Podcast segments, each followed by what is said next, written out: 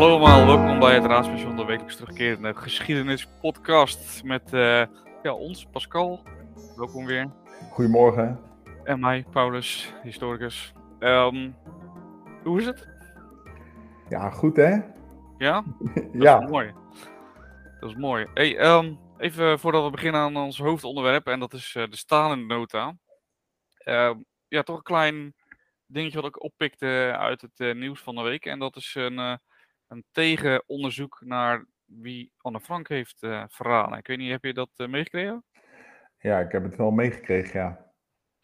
Ja, dus die stellen eigenlijk dat het helemaal niet zo is wat uit het eerdere onderzoek kwam. Maar daar kwam uit dat Arnold van den Berg um, Anne Frank had verraden. Met zo'n, nou, wat was het, 83% zekerheid. Ja. En dit onderzoek stelt eigenlijk van nee, dat is helemaal niet waar, want hij was zelf ondergedoken en dat kan helemaal niet. En, nou ja. Uh, dus zijn we een soort van terug bij af. Als het klopt natuurlijk wat, uh, wat het onderzoek zegt. Ja, de vraag is natuurlijk, hè, wat doet het er eigenlijk allemaal nog toe? Ja. Ja, en uh, ik kan me ook wel voorstellen dat de nabestaanden van, van meneer Van den Berg nu ook in één keer denken van ja, weet je, um, ja, Waarom moeten we nu in één keer dan inderdaad met zo'n schuldige aankomen? En buiten het feit dat hij het ook nog eens een keer, als hij het al gedaan zou hebben, als dan uh, heeft die man ook echt voor een onmogelijke keuze gestaan, waarin hij of voor zijn eigen familie moest gaan kiezen of voor, ja, of voor anderen. Ja, wat doe je dan? Nou ja, dat is echt een verschrikkelijk dilemma waar je voor komt te staan. Maar ja, nu blijkt het dan toch niet nu blijkt het al helemaal niet meer te kloppen. En nou moet, of moet, nu gaat die uitgever ook die boeken weer uit de handel halen. En alle boeken die er dan nog zijn, die moeten we dan ook weer inleveren. Moet de, uitge of, uh, de, de boekenwinkels. Ja. Ja. Oh, we zijn we nou bezig. Ja.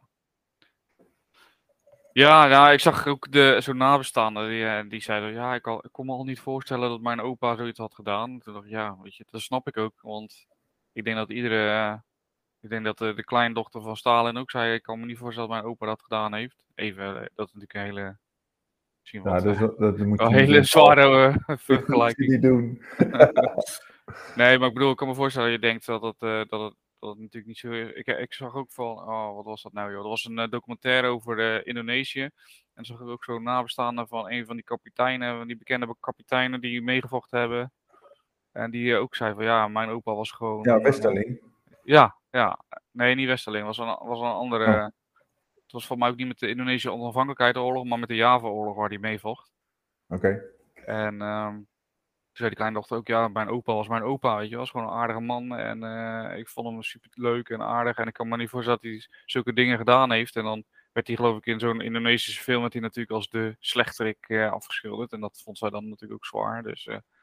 Ja, maar ja, weet je wat het is? Kijk, dat is een beetje de beeldvorming die wij hebben. En dat is ook een beetje hoe, hoe, wij, hoe kijken we naar helden, hoe kijken we naar, uh, naar vijanden. En wij denken altijd dat uh, ja, als je een slechterik bent, dan heb je ook alleen maar slechte eigenschappen.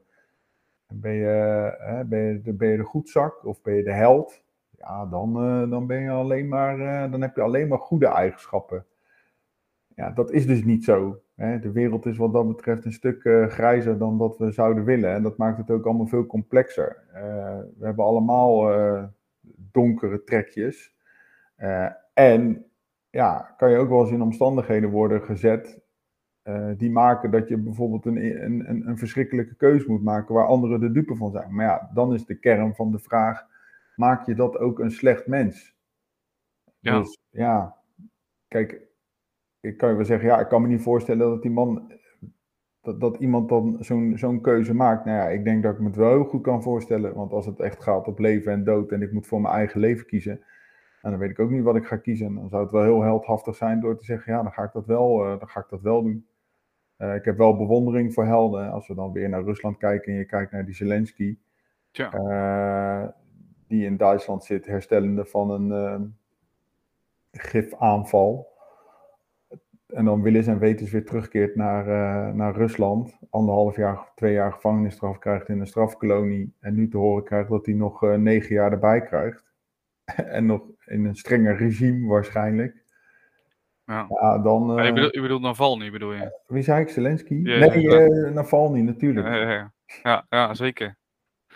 Ja, maar wat dacht je ook eh, van, de, van de Belarusische spoormedewerkers die daar eh, Russische transporten aan het eh, saboteren zijn, zodat ze niet eh, de troepen in Oekraïne kunnen herbewapenen, zeg maar. Dat is natuurlijk ook echt wel een soort heldendaad Ja, van die, ja. van die spoormedewerkers van, van Belarus. ja, dat zijn allemaal daden van verzet. En Ja. Ik denk dat dat, ja, dat, ja, ik denk dat dat wel een, eh, dat dat wel een goede zaak is. Ik denk dat we er ook wel vanuit kunnen gaan dat die twee landen, dat het daar, eh, dat het daar eh, in, grote mate niet klopt. Maar ja, dus maar goed, in ieder geval nu is het dus zo dat meneer Van den Berg heeft het dus niet gedaan. Of is er niet verantwoordelijk voor. Ja, ik blijf er nog steeds bij. De naties zijn hier verantwoordelijk voor. En, dat sowieso, ja. En dat is misschien een beetje te makkelijk om te zeggen, maar ik heb dat al een keer eerder in die podcast ook gezegd. Zij hebben ervoor gezorgd dat er een. eh, eh, zij hebben de jodenhaat aangewakkerd. Zij hebben ervoor gezorgd dat mensen in posities werden eh, gebracht waarin ze dus mensen moesten gaan verraden. Zij hebben ervoor gezorgd dat mensen moesten onderduiken. En waarom? Ja, omdat, het, omdat ze een Joodse komaf hadden. En omdat ze nou ja, de vrijheid van meningsuiting en al dat soort dingen dat, was, dat werd allemaal niet zo geapprecieerd eh, door de bezetter. Dus ja, ze hadden al dat onderzoek wel kunnen besparen. En je kan wel door blijven graven totdat je een ons weegt. Maar uiteindelijk is gewoon de Duitse bezetter hier verantwoordelijk voor. Ja, en als je er een paar namen aan wil plakken, ja, prima. Maar ja, Ja. ik weet niet wat het dan nog allemaal oplevert. Nou, in ieder geval een hoop gedoe. Nou, hoop. eh, of een hoop. En eh, ik denk dat je daar wel de spijker natuurlijk op zijn kop slaat. Hè. Wie, je, creëert een, je creëert iets als bezetter, zeg maar. En dan is het. eh, ja, probeer daar maar eens dan tegenin te gaan. Als, als, als jouw eigen leven op spel staat. Dus ik denk dat het. eh, ik denk Ja, dat het daarmee. eh, Daarnaast kunnen we allemaal lekker makkelijk redeneren en we kunnen allemaal lekker makkelijk over praten. Omdat wij gewoon, ja, wij leven in die vrijheid. Hè? We kunnen zeggen wat we denken, we kunnen, we, kun- we kunnen hier een podcast opnemen. Dan kan ik ook zeggen wat ik denk, dat, nou ja, totdat het opruiming is natuurlijk. Eh, maar ja, weet je, vanuit die luxe en uit die vrijheid kunnen we er ook allemaal over oordelen. En kunnen we een schuldige aanwijzen. Dat is allemaal best wel lekker relaxed, ook vanuit mijn, eh, vanuit mijn stoeltje achter mijn laptop. En daar moeten we eens wat meer bewuster van zijn. Van, weet wat je zegt, weet wat je doet. Eh, en probeer eens in de schoenen van zo iemand te staan. En probeer, het eens, probeer er eens een keer in in te leven waarom mensen zulke keuzes hebben gemaakt. En hoe dat nou allemaal tot stand is gekomen. Ja, ik, ik, ik denk eh, dat als mensen dat wat meer zouden doen, eh, dit- dat stukje inleving wat je zegt, dan eh, zouden we in een stuk eh, betere wereld nog leven, denk ik. Ja, dat denk ik ook. Tenminste, ik heb wel het idee dat, eh, dat zeg maar, iedereen die het niet kan, dat die heel veel op eh, Twitter en internet eh, zitten. Ja, dat is ook veilig. Hè? Je kan gewoon vanaf je. Bordje, ja, kun je roepen je wil. Ja, ja, ja, interesseert het toch niet of ik daar iemand eh, pijn mee doe of daar iemand mee benadeel. Of, nou, ik heb het maar mooi geroepen. Dat zie je ook op die Twitter-accounts. Ja, ja, ik snap niet dat al die Russen denken dat, dat Poetin gelijk heeft. Ja, fucking snel door, kort, kort door de bocht. Want be- bedenk je ook even dat daar de media zeer eenzijdig is. Ja, En dat het moment dat je daar anders denkt, dat je dan ook inderdaad opgepakt kan worden. Dat je een boete krijgt. Een boete die zo groot is als de helft van je salaris. Nou, moet je hier eens doen. Als jij zegt dat je de koning eh, een zak patat vindt, dat je dan de helft van je salaris kwijt bent. ja. Dat je daar ja, een boete ja. voor krijgt. Nou, ik, weet- ik weet niet of mensen dat dan eh, zich zo geroepen voelen om, om maar alles te roepen. Nee, precies. Eh, plus dat wij gewoon, ja, wij kunnen gewoon heel veel kennis vergaren via het internet. Ja. En we kunnen checken. Nou, dat, ik denk dat dat daar anders, ja. Ja, het is niet zo dat wij in een eh, koffertje eindigen als wij Mark Rutte een eh, verwend nest noemen of zo. Dat we in een do- dood in een koffertje eindigen. Nee, dus we mogen het er gewoon eh, niet mee eens zijn. En we mogen, er ook, we mogen er ook wat van vinden, zonder dat dat gevolg heeft. Alhoewel mensen daar ook weer in doorslaan. Ja. Zoals meneer. Engel. Ja. Ja. Vind jij ja. er van dat hij twee weken vastzit? Oh man, dat is een gevaarlijk onderwerp natuurlijk. Ja, ik, eh, de- ja, weet je, ik ben dus eh, voor onze rechtsstaat. Dus ik geloof dat als hij twee weken vastzit, dan zal dat met goede reden zijn. Dan zal hij eh, een wet overtreden hebben. Ik eh, zelf, eh, ik vind het een eh, spannende. Want ik vind het, eh, ben wel bang dat het dan weer olie op het vuur is voor eh, onze complottheorie eh me- medemensen. Dat zie je wel, we worden onderdrukt. Dus dat vind ik wel een spannende. Anderzijds denk ik, ja, hetzelfde, ja, misschien geen goede vergelijking, maar op, een ja, je moet ook op een gegeven moment wel laten zien van, er zijn ook grenzen, weet je. Je kan, er zijn gewoon grenzen en daar ga je overheen. En dan, dan word je opgepakt en, en dan gaat er een proces tegen je, zoals in een rechtsstaat altijd gaat. En je bent nog wel onschuldig hè, totdat het tegendeel bewezen is. Dus nou ja, dat is met Willem Engel ook. Hij zal vastzitten omdat daar een reden voor is. En eh, ja, ik kijk wel uit wat een eh, rechter zegt. Ik weet niet wat, wa- hè, als hij schuldig is, is hij schuldig. Volgens de recht. Volgens onze rechterlijke macht. En daar heb ik, en daar heb ik wel de vertrouwen in dat dat goed loopt. En neutraal en onpartijdig loopt. Ja, je mag dus niet aanzetten tot, eh, je mag niet opruien tot eh, geweld. Aanzetten tot geweld. Ja, en als jij gaat zeggen dat je testlocatie in de fik mag steken, ja, dan eh, overschrijd je dus een grens. Ja, nou ja, goed. ja, dat heeft hij gedaan en daarvoor wordt hij opgepakt. Ja, voor mij is het een logische oorzaak-gevolg relatie. Maar ja, dan, net wat ik net al zei, ik, ben wel, eh, ik denk wel dat het ook weer olie op het vuur is voor mensen die eh, in de complotten geloven. En die zeggen nu weer, ja, onze mond wordt gesnoerd, want hij wordt opgepakt. Goed, het feit dat je, het feit dat, je dat kan zeggen en niet eh, in een koffertje in stukken gesneden of eindigt of aan een in een trappengat hangt zonder dat je zelf dat wil, weet je wel. Dat, dat, het feit dat je dat kan zeggen is Ja, natuurlijk al of in een werkkamp in Drenthe. precies. Ja, dus dat is, dat is al een teken dat het eigenlijk wel meevalt met onze dictatuur in Nederland. Eh, dus ja, Ja, we mogen in ieder geval weer zonder mondkapje de trein in. ja. Dan ga ik even vieren straks hoor. Dus, ja. Ja, Nou, ja, nou, dus als, als je nou je zit te irriteren aan geluiden, kan je weer gewoon, eh, kan je dat niet meer verbloemen achter je mondkapje. ja precies. Kan ik gewoon lekker gaan zitten zingen Ja, precies. Gewoon zingen met Pascal. Ik eh, vind hem leuk. in de trein. in de trein. Maar goed, hey, ehm, ja, het hoofdonderwerp van vandaag is eigenlijk de Stalin-nota. En de reden waarom ik dacht van nou, het is misschien wel interessant om die eens te behandelen, is omdat eh, toch wel een soort van parallellen zijn met de Russische houding eh, ten tijde van de Koude Oorlog ten opzichte van Duitsland. Met eigenlijk nu, zoals je een beetje terug ziet in de houding van Rusland ten opzichte van Oekraïne.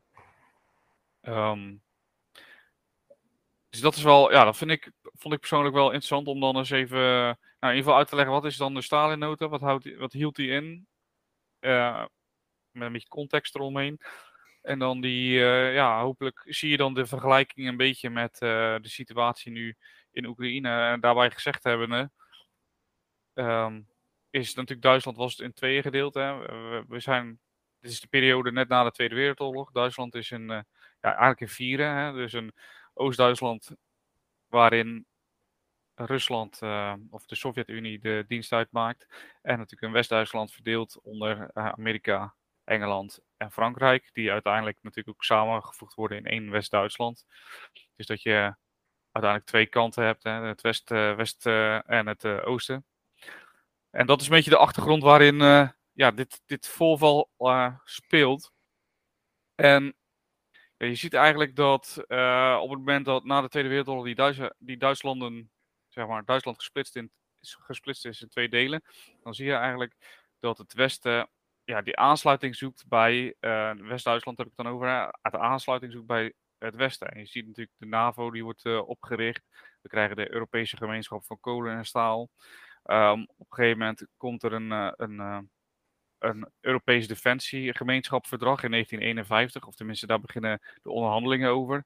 Dat houdt bijvoorbeeld ook een Europees leger in, hè, waar we nog steeds uh, eigenlijk min of meer mee bezig zijn, waarbij de roep nu ook weer groter wordt mm -hmm. om zo'n Europees leger. En daarin zie je toch wel dat uh, ja, de, de oostkant van Duitsland en ook Moskou zich wel een beetje zorgen maakt over die herbewapening van dat West-Duitse uh, deel. En die toenadering die dat West-Duitse deel zoekt naar uh, het Westen. Dus dat is wel een gevaar voor, ook voor Stalin, maar ook voor Oost-Duitsland. Want Oost-Duitsland is ook steeds uh, uh, bezig van ja, weet je, die voelen zich ook bedreigd in dat opzicht door, door West-Duitsland. En daaruit komt dan die Stalin-nota uiteindelijk, waarin staat van oké, we willen graag een verenigd Duitsland, dus geen Oost- en West-Duitsland meer, maar gewoon één Duitsland. Dat mag zich bewapenen, dat mag een vrij economisch stelsel hebben, maar uh, het, mag, het moet neutraal zijn. Hè? Dus het mag niet kiezen tussen uh, het oosten en het westen. En daarbij staan er natuurlijk ook een aantal dubbelzinnige voorwaarden in voor bijvoorbeeld de democratie. Er staat er bijvoorbeeld bij dat er een verbod komt op organisaties die vijandig staan tegenover de democratie en de bescherming van de vrede. Nou, dat is natuurlijk heel dubieus hè, als je dat stelt als Oost-Duitsland. Dan kan je natuurlijk zeggen van ja, ehm, ja, wie bedoel je dan? Hè? Bedoel je dan alleen uh, neonazies bijvoorbeeld? Of bedoel je dan alle West-Duitse partijen? Zie je die ook als vijand van de democratie? Ja, dan krijg je natuurlijk wel heel duidelijk een, een soort Oost-Duitse regering die daar uh, terechtkomt. Dus dat zijn natuurlijk wel van die dubieuze zinnetjes die staan in dat verdrag. Waardoor ook natuurlijk het Westen eigenlijk denkt van ja, leuk dat jij dat zegt, maar daar, uh, daar hebben wij natuurlijk niet zoveel zin in. Dat is, dat is heel vaag. Dat is, je gaat ons daar gewoon mee, uh, met je oor mee aannaaien natuurlijk. En de andere is um, ook de, om in de, de, de Pots, zo Potsdamse vastgestelde grenzen, om die te erkennen van Duitsland. Um, ja, dus dat waren eigenlijk twee uh, dubbelzinnige voorwaarden van, van de Russen. Waardoor ja. Uh, ja, het Westen toch een beetje bedenkingen had bij, uh, bij dit voorstel. Wat was nou de ware bedoeling van Stalin? Je kan je natuurlijk voorstellen als je zo'n uh, zo'n Rusland, zo'n Sovjet-Unie hebt die als een stoomwals zeg maar naar heel Oost-Duitsland tot Oost-Duitsland zeg maar veroverd heeft en daar invloed heeft. En opeens zeggen ze van ja, nee, is goed, een Verenigd Duitsland, neutraal, dan is alles goed, mogen ze doen wat ze willen. Ze mogen hebben wapen en economie, prima. Ja, dan gaan er toch wel een paar wenkbrauwen omhoog van oké, wat zit hier achter? En dat is natuurlijk wel uh, een geheim wat tot op de dag van vandaag. Uh, het is wel iets meer ontrafeld met de uiteenvalling van de Sovjet-Unie. In 1991 werden een hoop uh, documenten beschikbaar uit Moskou. Maar toch zijn ze er nog niet heel goed achter wat nou precies de reden was voor, deze, voor dit voorstel. Ja, dat gaan wij denk ik ook niet oplossen. Wat? zeker niet, nee, nee, nee, zeker niet. Um, de reacties waren wel ja, waren wel verschillend, wat je ook zou kunnen verwachten. En misschien was dat ook wel, net zoals met de inval in Oekraïne, was het ook de bedoeling van Stalin om dat Westen ja, uit elkaar te laten vallen. Omdat er natuurlijk een hoop uh, Duitsers natuurlijk ook, een aantal Duitse prominente politici, die, ja, die, hadden, die hadden er toch wel oren naar, naar zo'n Verenigd Duitsland. Waarbij uh, uh, de bondskanselier Adenauer, die zei nee, dat wil ik niet die zag natuurlijk voor zich van oké, als we dat gaan doen, dan verliezen wij eigenlijk uh, de toetreding met het Westen. Plus, hij was er ook niet van overtuigd dat als je dan zo'n neutraal Duitsland hebt met, uh, met democratische verkiezingen, dat daar geen Sovjet-inmenging in was in, in dat hele proces. Hmm. En zijn we dan wel veilig voor de Moskouse spionnen? Dus die was daar een beetje, of nou een beetje, die was daar gewoon fel tegen eigenlijk, tegen, tegen die eenwording. Dus dat is wel misschien een leuke, of een leuke, dat is misschien wel een interessante parallel met de huidige situatie in Oekraïne, waarbij ik denk dat Poetin dacht van het Westen flikkert uit elkaar, want uh, een hoop landen willen geen, bijvoorbeeld geen economische sancties uh, of steun bieden. Uh, wat natuurlijk tegenovergestelde heeft bereikt, hè, dat ik het idee heb dat het Westen op dit moment sterker bij elkaar staat dan, dan ooit. Nou, misschien niet dan ooit, maar in ieder geval wel sterker bij elkaar staat als voor de inval. Dus. Ja, maar ja, zij gaan natuurlijk ook heel erg sterk voorbij aan het feit dat uh, als je een gemeenschappelijke vijand uh, creëert, dat je dan uh, mensen kan binden. Hè? Ja, ja, precies. Kijk, dat werkt voor hen precies zo als dat voor ons werkt. Mensen ja. hebben dat toch wel onderschat. Ja, dat denk ik ook wel. Um, maar goed, eerlijk is eerlijk, in het Westen was het wel een, was het wel een in die tijd met de Stalin-nota, zeg maar, was er wel veel discussie over van wat moeten we nu doen. En eigenlijk hoopten ze op een soort uh, ja, volksopstand hè, van, uh, van de proletari uh, proletariaat. Ja. ja, om de machtshebbers omver te werpen en er een, een, communistische staat van te maken. Dus dat hoopte Stalin en Oost-Duitsland wel. Maar dat gebeurde gelukkig niet. in die zin. En dat had er ook mee te maken dat ehm, ja, eigenlijk al de politiek van Oost-Duitsland was erop gericht om dat de West-Duitsers te destabiliseren. Hè. Dat deden ze in eerste instantie. Uh, dachten ze van nou, um, we gaan die Stalin-nota aanbieden. En, en dat, was, dat was ook wel serieus. Hè. Het was niet uh, helemaal onzin. Het was niet helemaal bedoeld als een, uh, als een soort plot twist of een, ja, hoe noem je dat? Een, zeg het eens. Het kwam niet als een donderslag bij heldere hemel. Of de, de, de, zeg maar de, er stonden best wel zinnige dingen in die nota. Ja, maar ze waren, het was niet helemaal een, een ja, het was niet helemaal de bedoeling om uh, mensen in de val te lokken of iets, uh, iets geks te doen. Er was ook wel serieus een, een pad in het Kremlin dat zei van nou, misschien moeten we eens nadenken over een neutraal Duitsland. Want een neutraal Duitsland is beter als de helft van Duitsland hebben en de andere helft zwaar bewapend tegenover elkaar. Hè, dat dat tegenover elkaar staat. Dan hebben we misschien meer aan een soort bufferstaat van een neutraal Duitsland. wat ook niet bij het Westen hoort, maar ook niet bij ons hoort. In plaats van dat de helft zeg maar, bij het Westen hoort en de helft bij, bij ons hoort. Dus er was ook wel een serieuze stroming die zei van nou, misschien moeten we daar toch echt, moeten we daar ook serieus mee omgaan. Aan de andere kant was er ook een stroming die zei nee, we moeten uh, de harde kern om het zo maar te zeggen van nee, we moeten echt die, dat Oost-Duitsland houden. En dat is beter voor ons. Dus die twee stromingen stonden in dat opzicht ook nog wel tegen elkaar. En dan zie je ook dat op een gegeven moment in 1953, op het moment dat in Oost-Duitsland uh, een aantal opstanden komen van, van arbeiders tegen het communistische bewind, dat toch dat pad van een neutraal Duitsland, dat dat eigenlijk wordt, ja, wordt losgelaten. Zo van, oké, weet je, schijnbaar is ons communistisch gedachtegoed in dat Oost-Duitsland ook niet zo heel sterk. En hebben ze Russische tanks nodig om dat uh, neer te slaan. Ja, dat kunnen wij niet meer doen op het moment dat er een neutraal Duitsland is. Um, dus misschien moeten we dat pad loslaten. En dan zie je dat eigenlijk dat idee weer is gaan varen van een, van een ja, verenigd, neutraal Duitsland. Door een eigenlijk een simpel. Ja, we hebben het vorige keer voor mij ook gehad hè, over dat kleine, kleine voorvalletjes soms iets heel groots kunnen veranderen. Hè. Mm -hmm. En in dit geval is dus, uh, ik dacht een tweetal opstanden of een tweetal stakingen van, van Duitse, Oost-Duitse arbeiders heeft ervoor geleid dat, dat die Duitse neutraliteit eigenlijk een beetje, in ieder geval in Moskou, uit het raam werd gegooid, dat idee. Ja. Dus dat is wel. Uh, maar volgens mij was het toch al uh, buiten het, in Europa was het toch ook al een heel groot wantrouwen tegenover dat uh, grote communistische blok. Vandaar ook dat er toch in 1949 al de NATO werd opgericht. Ja, precies. En dat West-Duitse leger was aan het opbouwen en dat wilde ook bij die NATO worden. Weet je. Die dacht van ja, wij, wij willen ons verankeren. En dat was ook het idee van, van Adenauer, hè, van de, van de bondskanselier, van nou laten we eerst nou eens even bij dat Westen toetreden. Laten we eerst nou eens bij de NAVO gaan horen. En daarna kunnen we wel verder kijken naar, een, naar één Duitsland. Hè?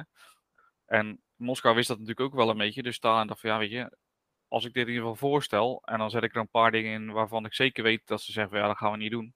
Mm Dan kan ik in ieder geval de schijn ophouden dat ik niet degene ben die Duitse eenheid zeg maar tegen wilde houden. Hè? Dan is dat echt een soort framing van het Westen, was het, uh, was ja. het idee. Ja, eigenlijk dat was, dat was toch ook in die periode toch ook helemaal niet te doen.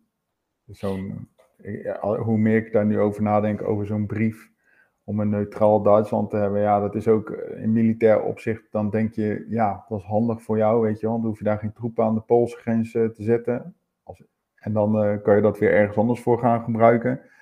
Ja, en aan de andere kant, in die periode was men zo verschrikkelijk bang voor het communisme, dat had je ook nog die containmentpolitiek, oftewel, ja, laten we het allemaal dan maar indammen.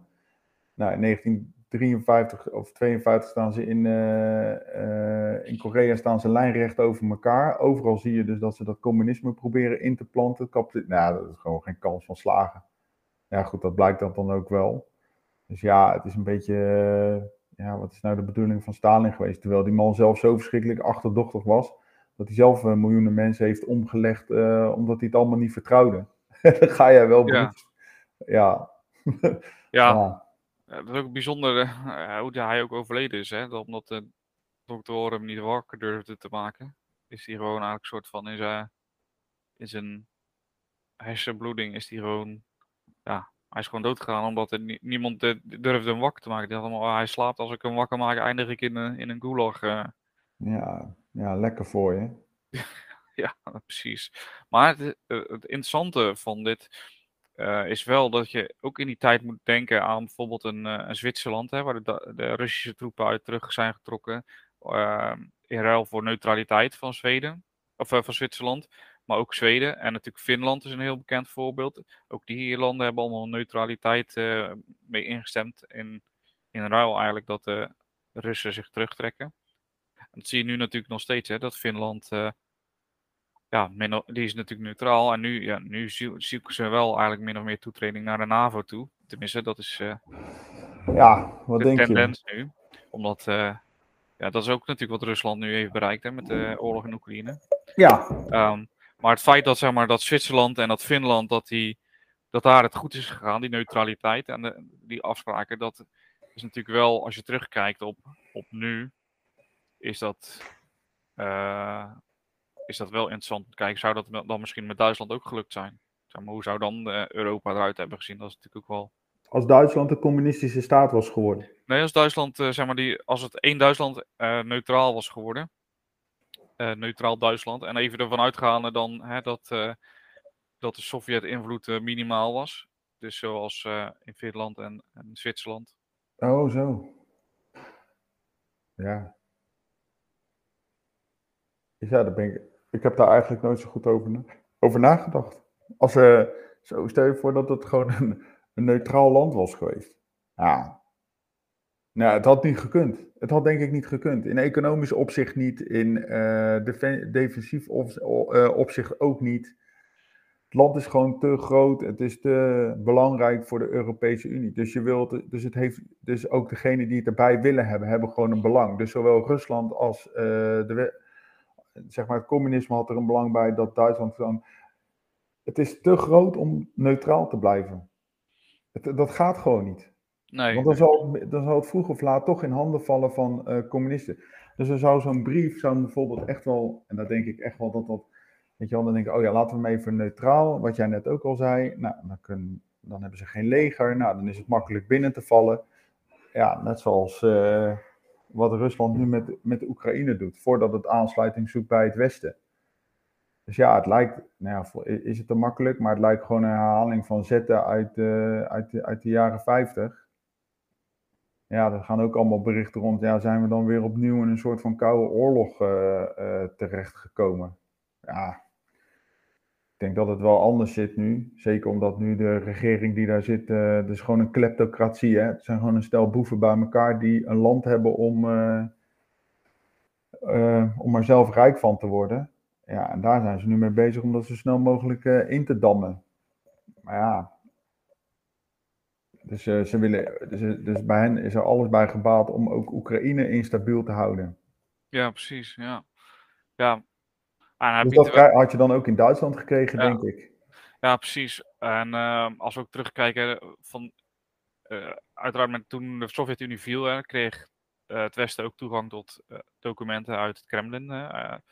en daar zijn wel, ehm, ja, ze hebben daar wel een aantal ideeën achter kunnen eh, achterhalen, zeg maar, waarom die Stalin-nota er dan kwam. Hè. En eh, een van die voordelen is wat ik net eigenlijk al zei, hè, dat, dat Moskou het voorstel deed. Daar, dus eh, het geallieerde, de geallieerden en West-Duitsland konden daar niet omheen. Hè. Je ziet eh, in die tijd dat Oost-Duitsland eigenlijk geen invloed kon uitoefenen op West-Duitsland. Dat was natuurlijk een doorn in het oog voor die Oost-Duitsers. En op deze manier probeerden ze toch die eh, ja, eh, soort af te dwingen dat er naar hun geluisterd werd. Een soort van schreeuw om aandacht enerzijds. En anderzijds natuurlijk om ook die Oost-Duitse invloed ook naar West-Duitsland te krijgen. En ehm, dus dat was, een, dat was een voordeel waarom ze die Stalin-nota deden. Ehm, daarnaast was het hele communistische gedachtegoed, hè, zoals ik net ook al zei, in Oost-Duitsland was heel zwak. Ehm, en eigenlijk probeerden ze door in te spelen op de wens van de bevolking. Hè, want de bevolking was heel erg sterk van, nou, wij willen graag één Duitsland weer terug. Hè, logisch, je wordt als land in tweeën gesplitst. Eh, en natuurlijk heel Duitsland, zowel de westkant als de oostkant, kant, wilde weer één Duitsland. En ehm, dus dat was ook het idee van, nou, als wij dan dit voorstel doen, dan kunnen wij in ieder geval, eh, ehm, ja, kunnen wij in ieder geval eh, ons gedachtegoed opbouwen en kunnen we laten zien, hey, zie je, dat communisme is helemaal niet zo slecht. Ehm, dus ja, weet je, we, het is, ligt allemaal aan het westen. Het westen is gewoon kut. Kom lekker, wordt lekker communistisch. Dus dat is, een, dat is een voordeel. Ja, ook de propaganda van, uh, van Moskou was, was een stuk slechter als die uh, van het westen, zeg maar, de westerse media. En uh, ja, al die problemen konden ze niet verdoezelen met die propaganda. De problemen in Oost-Duitsland, want er zat, ook daar was er weer een, een, een economische ja, hoe zeg je dat? Een recessie, zeg maar. Een, een, ja, met met de R. Ja. Dus ja, ook dat, uh, dat probeerden ze op die manier een beetje te verdoezelen. Dus dat ja, er waren een hoop uh, voordelen, voordelen eigenlijk om in ieder geval zo'n voorstel te doen. En als laatste was het natuurlijk dat um, ja, zo'n zo'n neutraal Duitsland was natuurlijk ook wel een voordeel voor Moskou in die zin, uh, als ze zeggen van oké, West-Duitsland zie je de troep opbouwen, Oost-Duitsland wilde dat eigenlijk ook. En dan staan die twee Duitslanden staan tegenover elkaar. Dat was ook bijvoorbeeld een, een goed voorbeeld van een van de mensen die voor, die, voor, zo'n, voor dat voorstel waren hè, vanuit het Westen. Die zeiden van ja, oké, het is misschien even kut dat we neutraal moeten zijn, maar ik vind het uh, neutraliteit van één Duitsland vind ik beter als dat we de ja. hè, zwaar bewapende Westen moeten afstrepen West-Duitse soldaten moeten afstrepen tegen zwaar bewapende Oost-Duitse soldaten. Dat vind, ik, dat vind ik een slechtere neutraliteit dan één verenigd uh, Duitsland. Dus door die, dat voorstel te doen en uh, ja, konden ze ook eigenlijk dat het Oost-Duitse leger ook weer opbouwen. Hè, hoefden ze dat ook niet meer uh, in de doofpot te stoppen dat ze dan aan, aan het doen waren. Dus er waren wel veel voordelen van die, vanuit Russisch perspectief, hè, vanuit Sovjet perspectief, om dat voorstel te doen. Nou, uiteindelijk heeft het uiteraard niet, heeft het, het niet gehaald. Hè. Het Westen was sowieso er al niet mee eens. Um, en je ziet dat door de opstand hè, in, in Oost-Duitsland, dat ook dat idee van, van een verenigd Duitsland ook in Moskou, zeg maar, dat, dat, dat spoor werd losgelaten. En werd gezegd, nee, we moeten toch daar blijven. Um, toen Stalin natuurlijk overleed, hè, was in 52 overleed Stalin. Toen probeerde Churchill eigenlijk weer toenadering te zoeken ook tot, uh, tot Moskou. Uh, ook weer met het idee, hè, laten we Duitsland verenigen. Uh, maar hij zei wel, als de Duitsers dit zouden willen, dan, dan, maar alleen als de Duitsers dit echt zouden willen, moeten we dit doen. Alleen hij kreeg op dat moment kreeg hij geen bijval meer van zowel het Westen niet meer als ook niet van het Oosten. Dus toen kwam ook niet dat, ja, kwam ook dat, dat één Duitsland kwam ook niet meer naar voren. Dus dan zie je dat eigenlijk die, dat hele idee, dat hele, die hele staal en nota, die wordt min of meer vergeten. Ja, en dan duurt het natuurlijk tot uh, eh, 1989 totdat het weer ja. bij, bij elkaar komt. Dat hele Duitsland. Ja joh, 40 jaar socialisme. Ja. Er is een liedje van geschreven. Ja. Hm. Ja, wat heeft dat ons allemaal gebracht? Ja, ja goede vraag. Ah, het is nou. wel zo dat uh, het, uh, ik weet niet wanneer het was, was het een jaar of twintig geleden denk ik, met de overstromingen daar, uh, hè, dat die rivieren weer heel, heel hoog stonden. Toen ben ja. ik daar wel heen gegaan, ook naar Oost-Duitsland om daar te helpen. Nou, toen was het nog echt wel, uh, ja, dat klinkt alsof ik heel oud ben, maar toen zag ik nog echt zeg maar, het verschil tussen Oost en West. Hè. En toen zei ze ook van, ja, weet je, op het moment dat we nog onder het communisme, communisme zouden vallen, dan zou hier nu gewoon een truck van het leger zou hier komen. En die zou allemaal zandzakken komen sjouwen.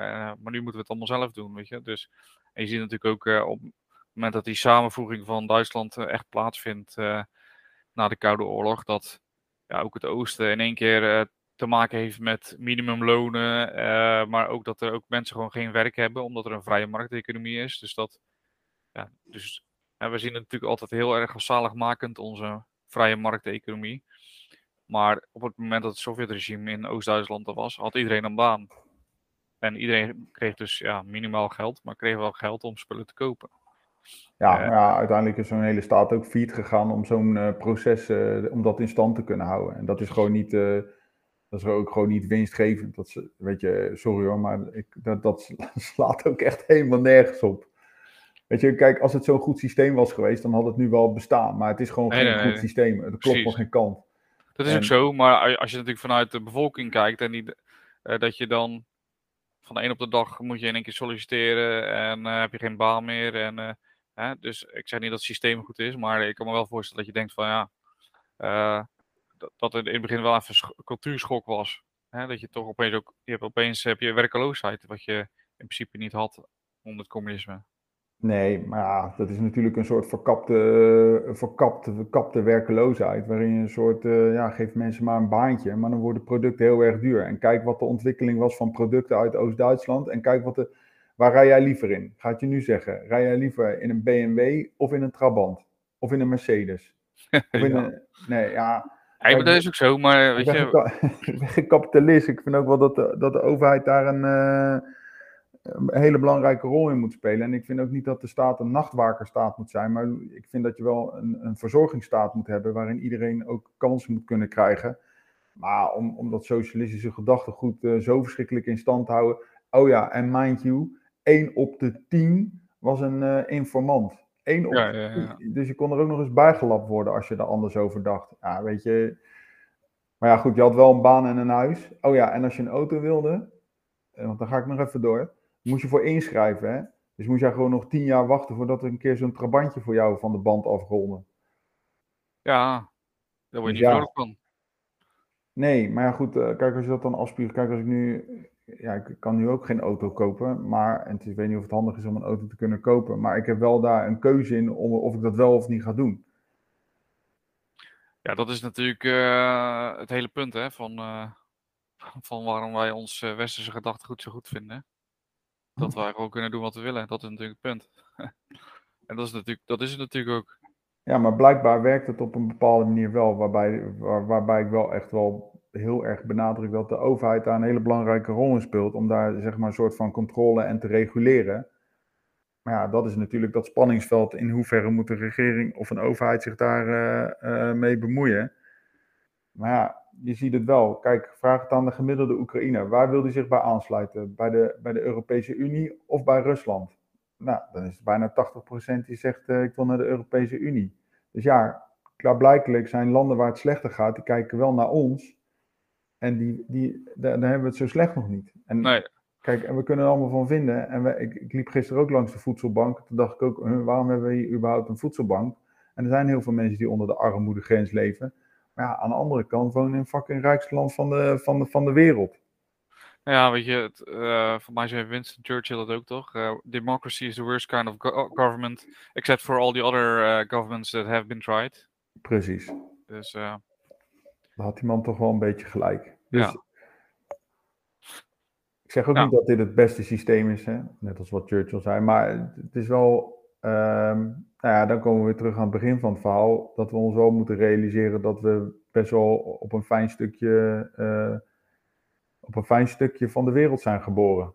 dat zeer zeker, ja. Ja, dat zeer zeker. Dus laten we daar eh, mee afsluiten. Ja, is goed. Ja? Dichterlijke woorden. Ja, precies. Ehm, nou, ja, ik hoop dat jullie het eh, weer interessant vonden. Ons eh stalen nota verhaal en de parallellen die we wellicht kunnen trekken met, eh, met de Oekraïne op dit moment. Eh, die zijn er toch echt wel eh, te zien. Mocht je nou nog vragen hebben of opmerkingen, stuur die dan naar geschiedenis.paulushistoricus.nl of vind ons op een van de socials. Facebook, Instagram, Twitter. En dan ja, horen jullie ons volgende week weer. Top. Tot volgende week. Tot volgende week.